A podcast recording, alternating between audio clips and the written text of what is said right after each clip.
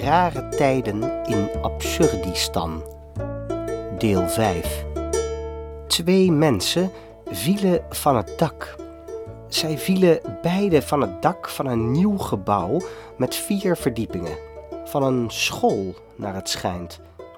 Zij zakten over de rand en begonnen te vallen.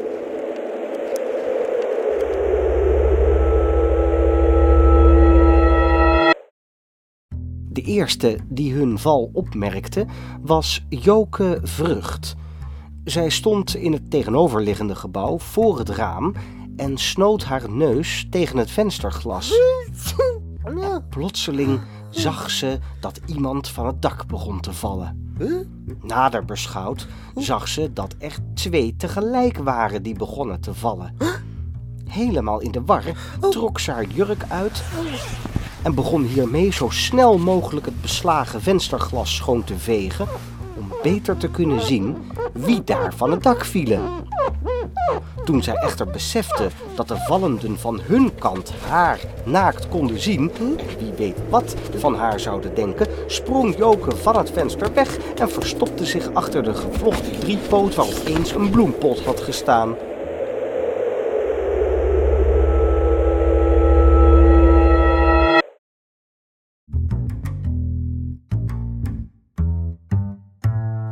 Op dat moment werden de beide van het dak vallenden gezien door een ander persoon, die in hetzelfde gebouw woonde als Joke Vrucht, alleen twee verdiepingen lager.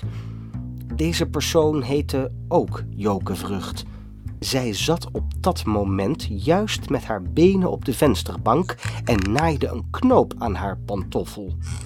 Toen ze uit het raam keek, zag zij de beide van het dak vallenden.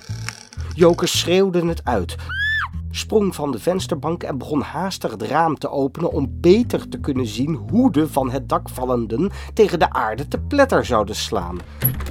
Maar het raam ging niet open. Joke herinnerde zich dat ze het raam van onder had vastgespijkerd en stormde op de oven af waarin ze haar gereedschap bewaarde, vier hamers, een bijtel en een nijptang nou, en met de tang rende ze naar het raam en trok de spijkers los.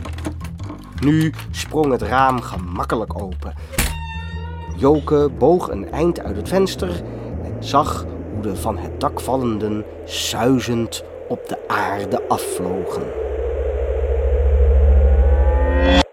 hey, kijk daar, met het schoolgebouw. Op straat had zich al een klein groepje mensen verzameld. Er klonk al gefluit en op de plaats van de te verwachte gebeurtenis verscheen zonder haast een politieagent, klein van stuk.